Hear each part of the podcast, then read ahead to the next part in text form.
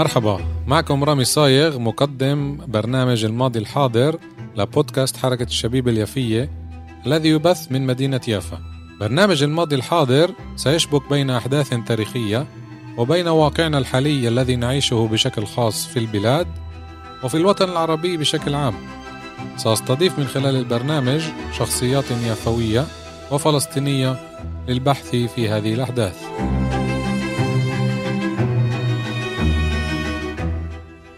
فلاي فيش بإدارة حنا عابد. أسماك طازجة مجمدة ومنظفة. خدمة التوصيل لبيت الزبون. مفتوح يوميا ما عدا الأحد. شارع سلمي 17 هاتف 03 933 2930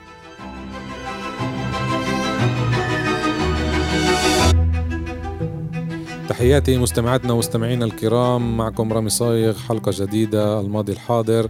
حلقتنا اليوم هي كتير كتير مميزة رح أحكي عن قرية الجماسين الغربية. بس كمان معاي ضيف عزيز علي اللي استضفته اليوم وهو الأخ موسى أبو سريس.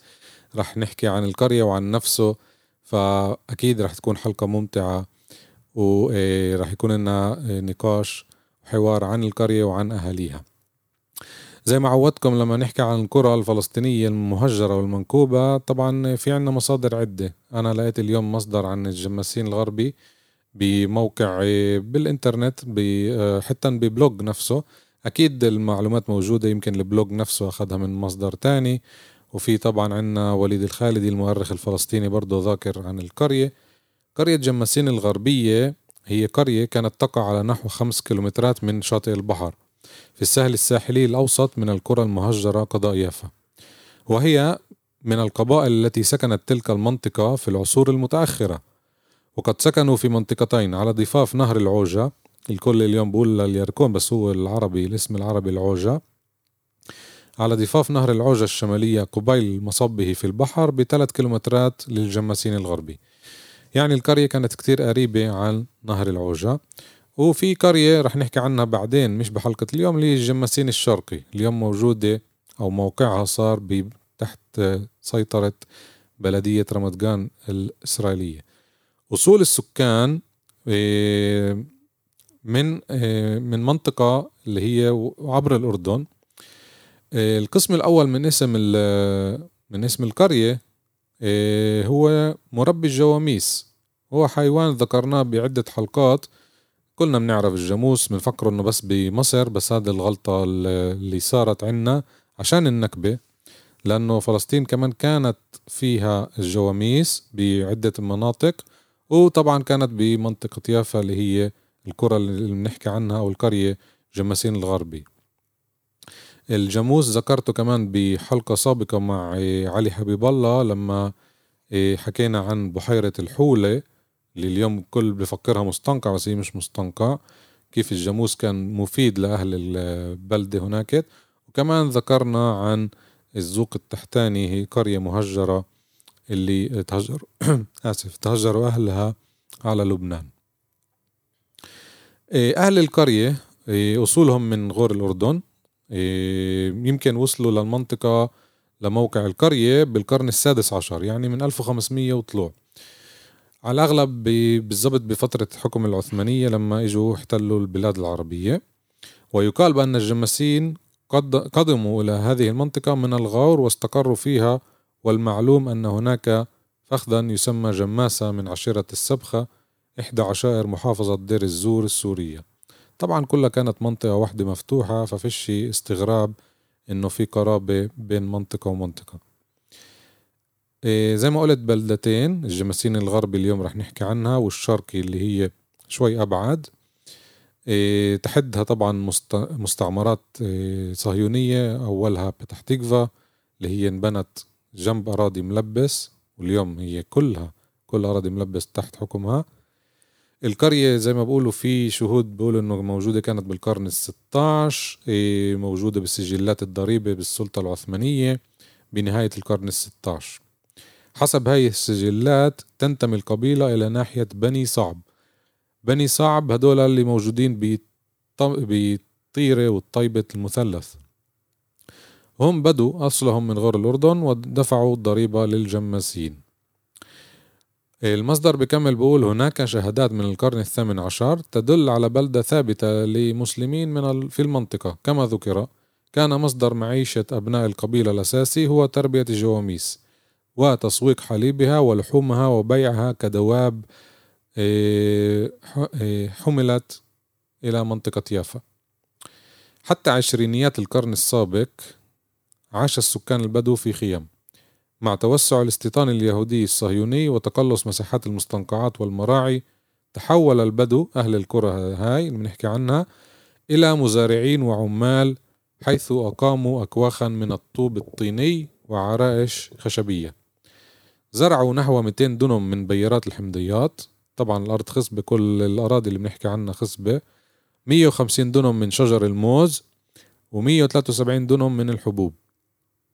عمل قسم من السكان كعمال في بساتين المستوطنة الألمانية سارونا. اليوم آه، تحولت طبعا لمنطقة سياحية. وفقا لسجل السكان عام 1922 كان في الجماسين الغربي 200 نسمة. وارتفع عددهم حتى عام 1944 مش مذكور 48 إلى ألف نسمة. وتعلم أطفال القرية أو البلدة في مدرسة الشيخ مونس. برضو ذكرناها مع عمر الغباري بلدة الشيخ مونس.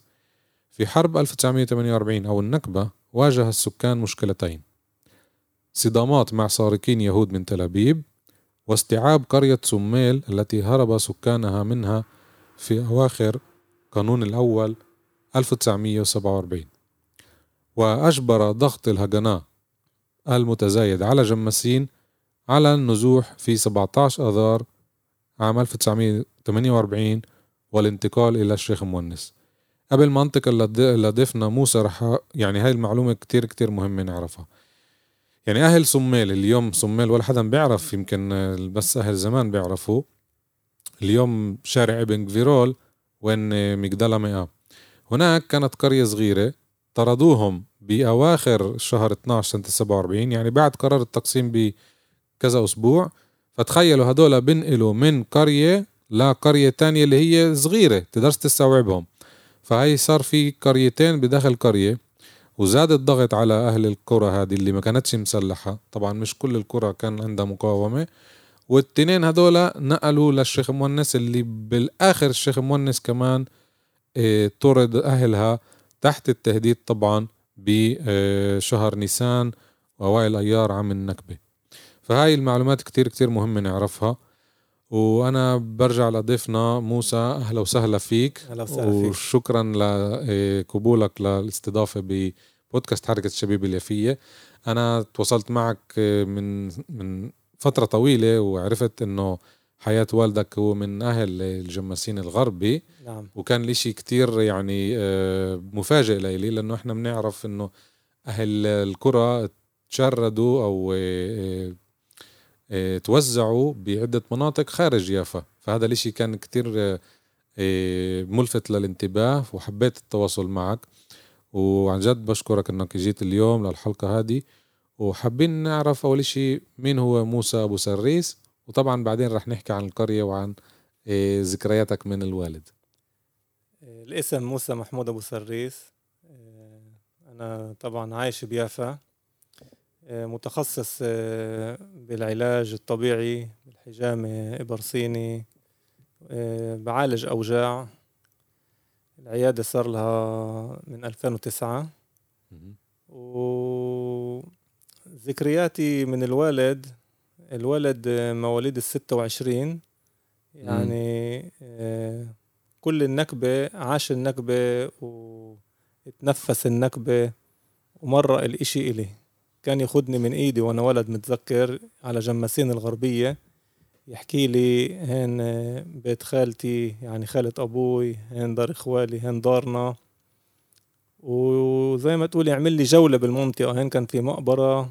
متذكر إيلون صفون يحكي لي إنه هاي أراضينا نلف بكل المناطق غاد. أه الوالد أه بالحرب أه أخذ آه، إمه يعني سيدي وستي نقلهم على الأردن مرقهم الحدود اللي قدر يهرب من غاد قدر اللي ما قدرش آه، آه، تشاهد انقتل غاد.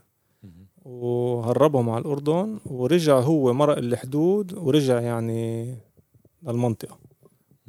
كانت واقعة يعني جماسين الغربية ورجع لبيته بده يدخل على بيته شاف آه، يهود عايشين ببيته. آه، أو ما أتذكر حكى لي عيلة يمنية يعني من اليمن. و آه، عرض عليهم أموال إنه يشتري بيته. كمان. اللي أخذوه منه بالقوة. عرض عليهم أموال إنه يشتري بيته يرجع لبيته ما قبلوش. الولد كان عايش يعني بالفترة فترة الحرب كان عايش زي ما تقول بهوية غير هويته. يعني كل الزلام كل اللي عاشوا بالفترة هديك انقتلوا ماتوا. اضطر إنه يغير اسمه يندمج بين اليهود عشان يعني ما يقتلوهوش. كان مم. كان مسمي حاله مايك. واندمج بين اليهود وعاش فترة بيناتهم وهيك يعني قدر يعني تحكي بعد النكبة. نحكي بعد النكبة. وين انتقل؟ وين سكن؟ كان عايش تل أبيب. كان أبوي كان يحب الخيل كتير تربي مع الخيل عايش مع الخيل يعلم ركوب خيل يولد خيل. و بتذكر يعني قصصه من جماسين الغربية كان يحكي لي إنه الجاموس بالشتاء كان يجي من منطقة البحر ويجي على جماسين يتريح عندهم ويستقر. على هذا الأساس إنه كانوا يسموا المنطقة هاي جماسين الغربية. آه. أبوي انتقل من منطقة فلسطين لألمانيا. كان معه زي ما تقول حصانين اللي كان لازم يكون معهم بالباخرة. وصل على ألمانيا عاش غاد عشرين سنة اتنين وعشرين سنة. رجع فلسطين كان آه، أخته عايشة بالمنطقة آه، جلجوليا تعرف على أمي وأخدها على ألمانيا. يعني أنا انولدت غاد بهامبورغ وأبوي أصر إنه إحنا نرجع على بلدنا بسنة ال 83 ومن هين يعني كل حياتي بيافا يعني. من جيل سبعة أنا بيافا. جميل. هلا التنقل ذكرت جلجوليا. على فكرة في اللاجئين تبعون أبو كشك والقرى صحيح. أبوي كتير كتير كان يذكر دار أبو كشك كانوا أحد العائلات الأغنياء بالمنطقة. مم. طبعا. قطاعيين آه، دار أبو كش كتير كان يذكرهم. آه، جزء منهم عايشين بهولندا. آه، جماسين الغربية زي ما تقول اتقسمت. يعني جزء طلعوا على سوريا جزء على الأردن جزء على ألمانيا جزء راحوا على نابلس مخيم بلاطة كتير في من جماسين الغربية. في بمخيم العين كمان. حتى لهلأ آه، الأهل اللي ساكنين بمخيم بلاطة أهلنا اللي ساكنين بمخيم بلاطة آه، آه، في منطقة غاد اسمها جماسين الغربية إنه هاي حارة جماسين الغربية. معروفين إنه هذا هذا اسمهم. يعني اجاني قبل فترة واحد يتعالج عندي من غاد وحكى لي إنه هو من جماسين الغربية. يعني أنا تفاجئت قلت له إحنا إحنا جماسين الغربية.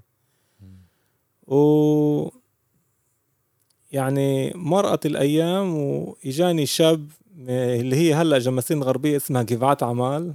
إجاني شاب من جيفات عمال يتعالج عندي وحكى لي بتعرف إنه أنا؟ بقول له لا بقول لي أنا من جماسين الغربية. حكى لي الكلمات. لسه من الأصلي. آه. قلت له انت بتعرف انه هاي أراضينا يعني حتى اطلع على جسمي قلت له كل شعر جسمي وقف منك.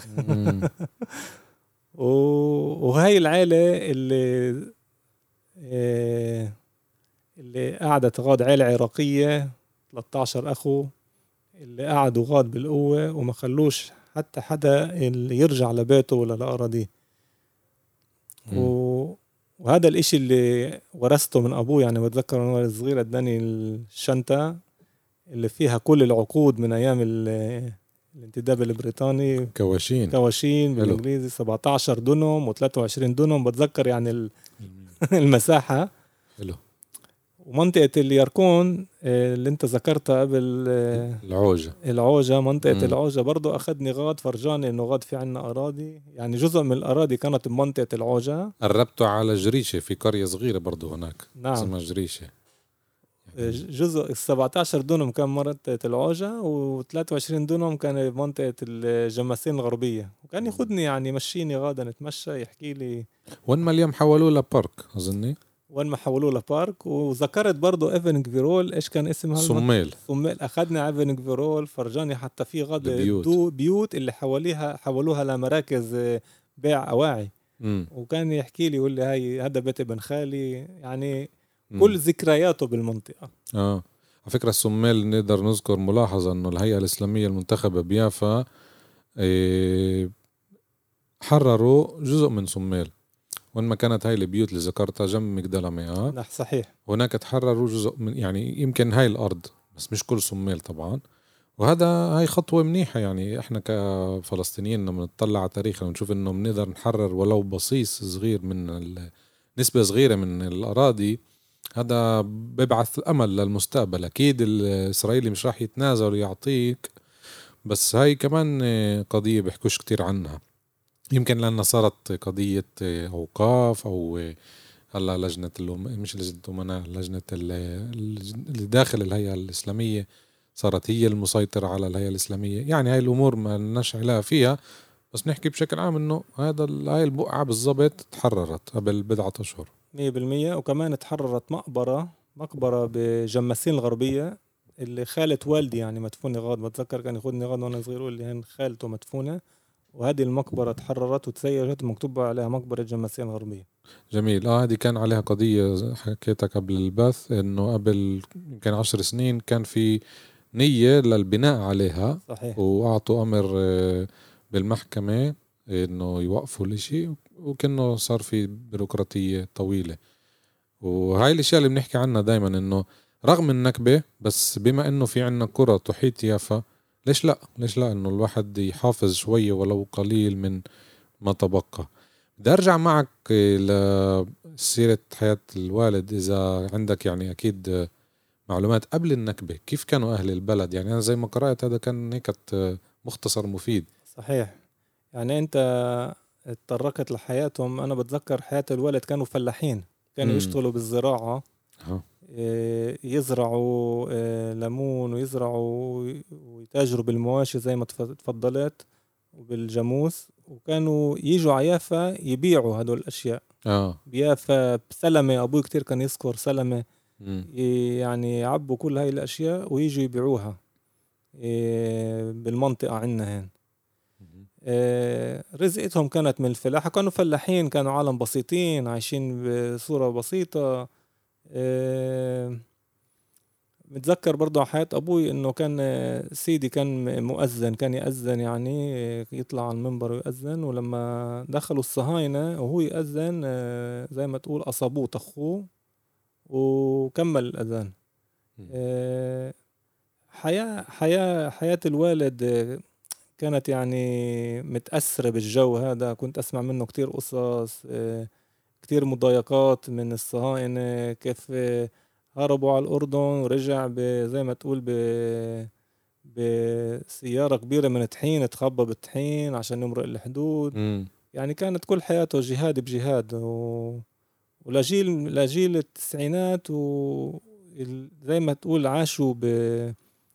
بالصدمة هاي كانت مرافقاه طول حياته. زي كان عايش البوست تراوما زي ما بيقولوا. أكيد لأنه كمان كان واعي وشاب يعني 22 سنة. نعم.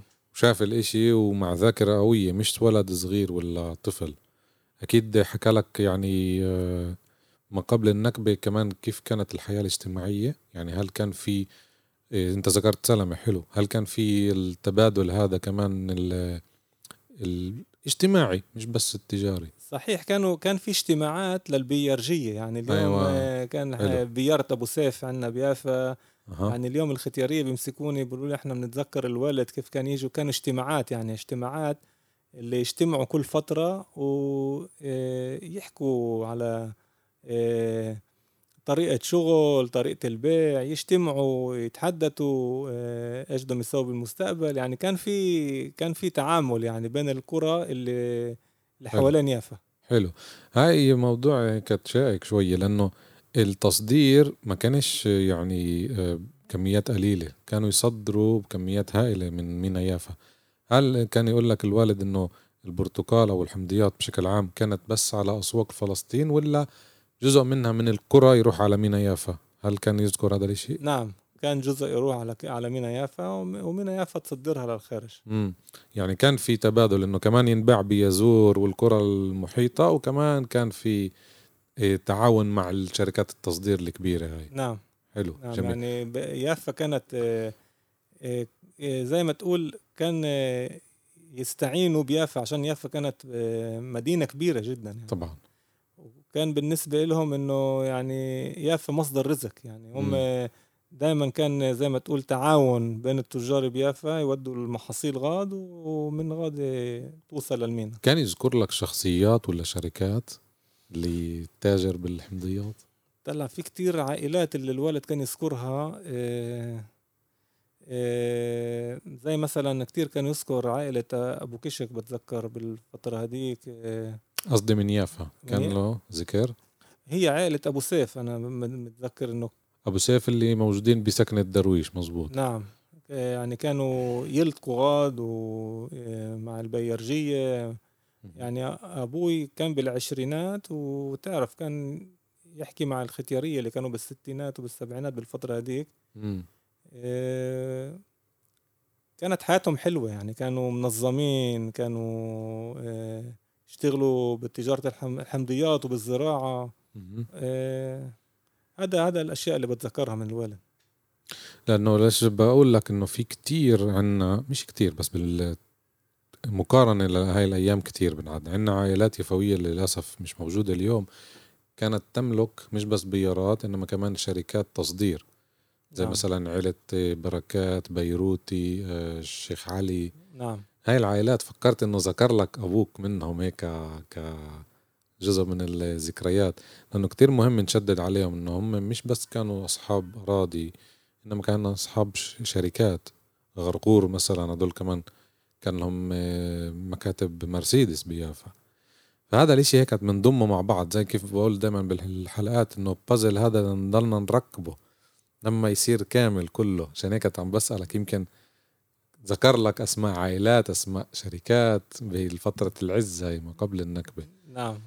ما بتذكر الشركات الكبيرة هاي. امم يعني فلاحين تعرف كانوا فلاحين عشتهم بسيطة مم.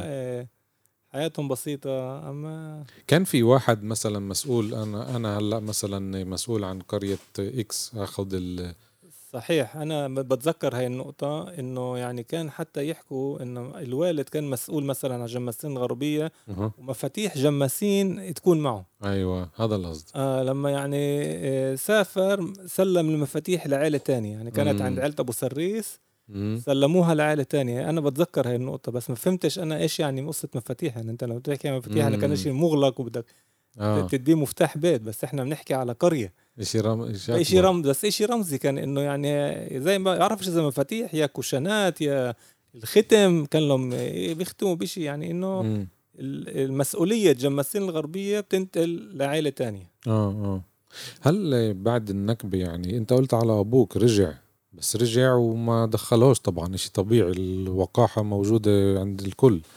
إيه خلص إيه ما قدرش يرجع على بيته وين استقر؟ يعني بتل أبيب ولا بيافا؟ ولا طلع بالمرة من المنطقة؟ آه هو أبوي كان آه لما رجع عاش بتل أبيب آه كان يشتغل زي ما حكيت لك مع الحصونة كان عايش مع الحصونة كان يحب ركب الخيل كان يحب آه يتعامل مع الخيل. آه طبعا آه مرقنا أنا من جيل صغير بتذكر أبوي إنه مرقنا المواد ل قضاة كنا بقى كم محاكم إنه ناخد تعويض على الأراضي اللي أخدوها. م. بس طبعا السلطات الإسرائيلية بتسوي كل إشي لأن أنت ما تاخدش حقك. آه و... وأسنوا قانون إنه كل واحد بالفترة هديك طلع على آه دولة معادية لدولة إسرائيل. هم بالفترة هذه كل الدول اللي حواليها. كانت معادية كانت طبعا. معادية ما كانش مثلا مع حدا كان فترة حرب. اسنوا قانون إنه كل واحد طلع على دولة معادية فيش له حقوق. أبوي وقت الحرب يعني مرة سيدي وستي على الأردن خاف عليهم إنه ينقتلوا. و... ومن هين يعني راحت حقوقنا. يعني إحنا لهلأ حتى في عندي آه، المستندات وحطيتها عند محامي. بس الأمل ضعيف جدا إنه الواحد تعرف ياخذ تعويض على الأشياء اللي اخذوها منا بالقوة. مم. لا بس بدي أعطيك ملاحظة. هي التعويض إنه كمان مش لازم نفكر فيها. طبعا كيف بقولوها الايده بالمي مش زي الايده بالنار بس على سيرة التعويض هلأ بالذات يمكن رح يصير يقول لك آه تعال. لأنهم عم بيمسحوا كل إشي اسمه قضية فلسطينية. وعملوها مش بس مع أهل المدن عملوها مع أهل الشمال. لأنه في كتير لاجئين داخل. يعني اللي تركوا مثلا قرية ميعار سكنوا بتمرة. هلا هدول ما بيصدقوا الدولة يجوا يقولوا لهم خود حبيبي يلا مم. تنازل فهي موضوع كتير مهم نقول مش بس إلك للمستمعين إنه لا مش لازم الواحد يتنازل عنها حتى لو بنوا على أرضه. يعني كله بالآخر هذا بنعد سرقة مشرعنة. نعم. لأنه عملوا هذا القانون اللي ذكرته قانون الح- الحاضر غائب إيه، قانون الغائبين هم هيك آه. أموال الغائبين نعم. آه.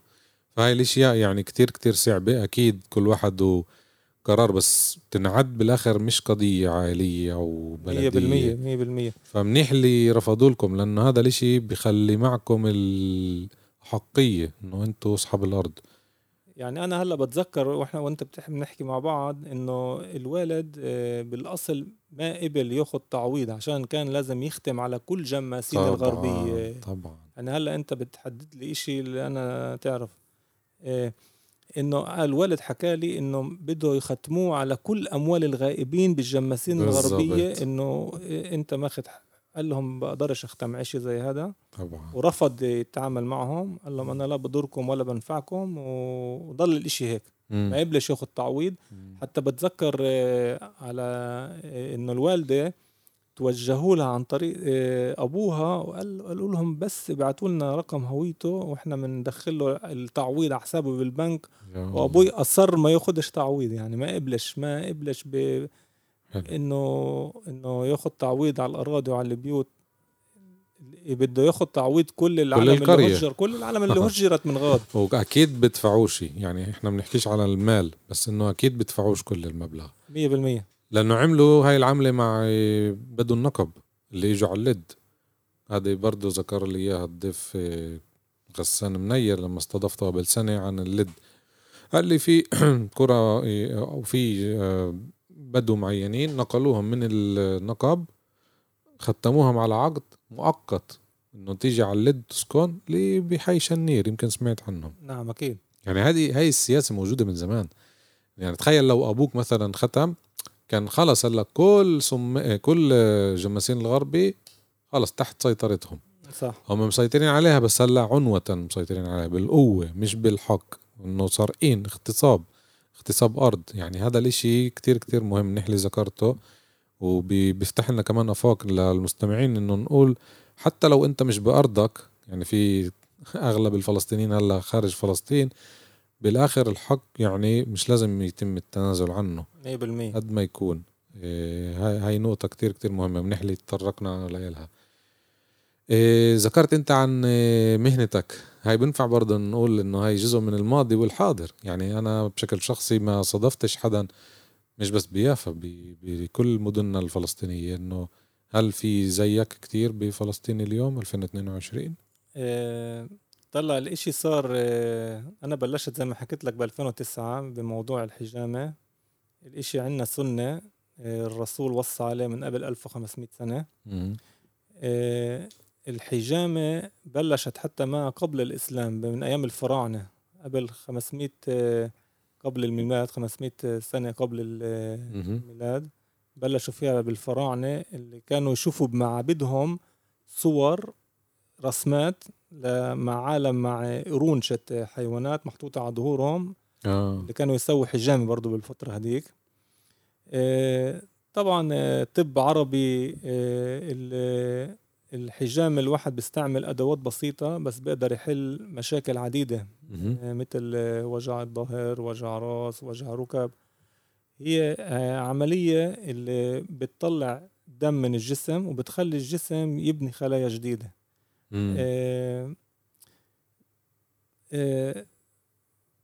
آه، آه، كتير كتير لما بلشت أشتغل بالحجامة لما كنت أحكي حجامة العالم يحكوني إيش يعني حجامة؟ كانوا. يفكروا إنه الإشي بس للختيارية العيانين. مم. اليوم بتشوف رياضيين بيعملوا حجامة أنا شفت بالأولمبيادا كانوا كتير آه، اللي ب- بالسباحة في عليهم كوبايات مرقين حجامة.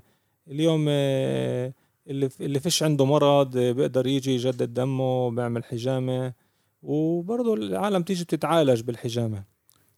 إحنا بنقول له كاسات هواء هي كاسات هواء هي الحجامة الجافة آه، الحجامة الجافة هي الكاسات آه، الهواء طبعا وفي الحجامة الرطبة لما نطلع الدم. هلأ إحنا كمان في الحجامة الوقائية اللي في إلها أيام معينة زي 17 18 19 21 هجري اللي إحنا اليوم 17 هجري. لما القمر بيكون بدر آه. يعني في توصيات آه، من رسولنا اللهم صل على سيدنا محمد إنه الواحد يحجم بالأيامات هاي. ليش؟ عشان في زي ما تقول الكرة الأرضية متأثرة من القمر وبصير مد وجزر بالفترة هاي. وجسمنا 70% فيه مي. يعني وين ما في مي على الكرة الأرضية بصير مد وجزر. جسمنا فيه 70% مي بصير نفس العملية بالذات بالرأس. بقول لك بالفترة هاي الإنسان بيكون شوي عصبي عشان في تحركات بالجسم. الجسم. آه. وزي ما تقول مفضل إنه يعمل واحد حجامة اللي هي بتهدي النفس اللي عنده مشاكل بالنوم بصير نومه أفضل آه، بتساعد على تنظيف الأعضاء الداخلية. يعني إحنا بنحط الكوبايات على الظهر ما بنحطهاش بصورة عشوائية. مم. في كوباية للرئتين في كوباية للقلب في للكبد في للكلاوي للكلاوي للمعدة. بنشد نعمل شد عضلي قوي وبنطلع الدم اللي متحبس. نفتح مسارات الطاقة. يعني مم. مثلا مرات واحد بيكون له عنده وجع راس بيكون الدم متحبس بالمناطق العليا من عند الرقبة فيش تدفق دم مية بالمية ولما بتطلع دم بصير مسار الطاقة مفتوح. مم. سبحان الله كيف بيروح وجع راسه آه. بنزل ضغط دم عالي بيساعد تنظيف الكوليسترول. في كتير أشياء إيجابية اللي اللي آه، بتسويها الحجامة. قلت في ناشف وفي هذا الناشف يعني مش قوي مش مفعول الناشف هي اللي زي ما انت تطرقت كاسات الهواء آه اللي بيطلعش الواحد فيها دم هو الواحد إيش فايدته؟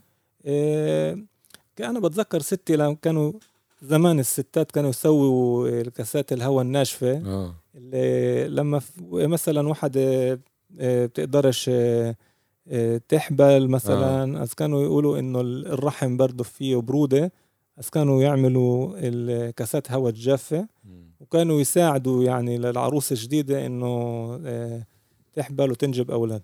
آه يعني مش للذكور محبذ ولا؟ إيه للذكور أكثر كانوا يسووها لأوجاع الظهر برودة. مم. مثلا واحد برد آه، عنده سعال عنده رشح كانوا يسووها آه، بالظهر للذكور. جميل. هاي كمان موضوع اللي ذكرنا فيه الماضي والحاضر. يعني اليوم فكرك في في مختصين مثلك بال اليوم الإشي اليوم كتير صاروا يروحوا يتعلموا آه، الحجامة وفي إقبال آه، للشباب و... وفي وعي أكتر يعني من قبل آه، تعال نقول 13 14 سنة. جميل. وفي إقبال من أهالينا.